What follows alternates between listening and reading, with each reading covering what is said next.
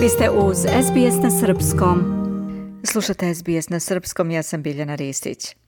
Nacionalni savjeti manjinskih naroda i nacionalnih zajednica u Crnoj Gori apelovali su na vladu i nadležne institucije da odgode predstojeći popis stanovništva kako bi se stekli adekvatni uslovi za njegovo održavanje.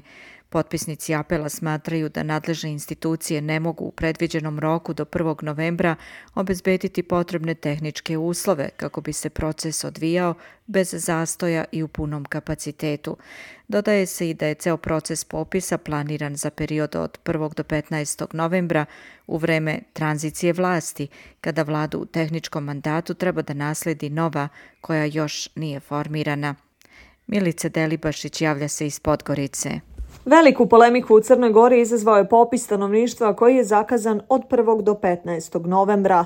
Nakon što se nijesu dogovorili o odgađanju na nekoliko mjeseci, ali nije o uslovima, prema najavama bojkotovaće ga DPS, ali i socijaldemokrate. Kako kaže poslanik SDA Boris Mugoša, protiv popisa nije niko, ali trebalo je sačekati do aprila naredne godine, kada bi Crna Gora trebalo da ima funkcionalne institucije, samim tim i bolju kontrolu ovog procesa.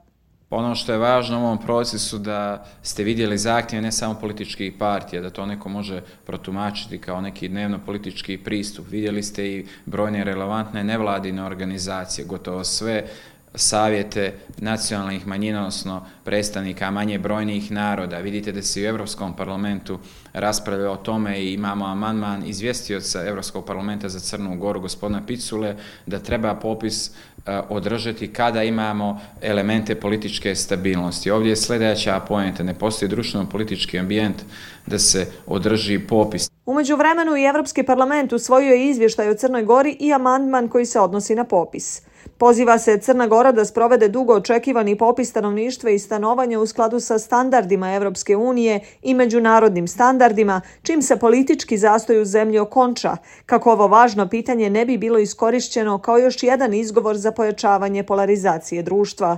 Piše u amandmanu kojeg su podnijeli izvjestilac Evropskog parlamenta za Crnu Goru Tonino Picula i evropski poslanik Pedro Marquez.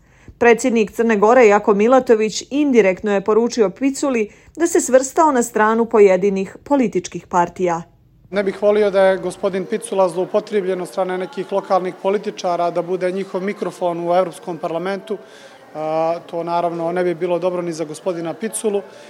Mislim da gospodin Picula ima vrlo jasne stavove relevantnih evropskih institucija, u ovom smislu prije svega Eurostata. Mislim da je Crna Gora trenutno dovoljno demokratski izrela da sprovede popisi, da se prosto onako više stavi fokus na neke druge možda rezultate tog popisa. Pozivanje na bojkot popisa je pozivanje na jedno protivzakonito djelo. Da je bojkot protivzakonite, da su sve pripreme urađene na najbolji mogući način, ali i utrošena milionska sredstva, pa Crna Gora nema luksus da sada i odloži taj proces, kazao je ministar financija Aleksandar Damjanović. Dakle, poziv na bojkot e, su samo politizacije, ne doprinose ničemu i na kraju se uvijek vrati onome ko poziva na bojkot. Dakle, ne treba pozivati e, građane na kršenje zakona, naprotiv treba dati puni doprinos da ova priča prođe na najbolji mogući način u demokratskom duhu, kao što su prošla i gotovo i tri izborna ciklusa koja smo imali nedavno ove godine. Prema tome, e, nadam se da e,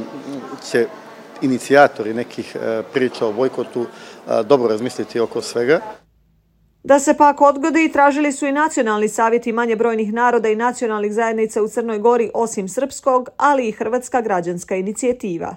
Iako je Monstat najavio da bi građani koji se odluče na bojkot mogli biti kažnjeni sa stotinu do pet stotina eura, Centar za demokratsku tranziciju navodi da je kaznene odredbe zakona o popisu teško sprovesti u praksi jer veliki broj ljudi nema naviku da prijavljuje promjenu boravišta i prebivališta. Također, CDT ukazuje da je nezamislivo da se popis može održati valjano ako u njemu eventualno ne učestvuju i manjinski narodi. Za SBS na Srpskom iz Podgorice Milica Delibašić. Želite da čujete još priča poput ove? Slušajte nas na Apple Podcast, Google Podcast, Spotify ili odakle god slušate podcast.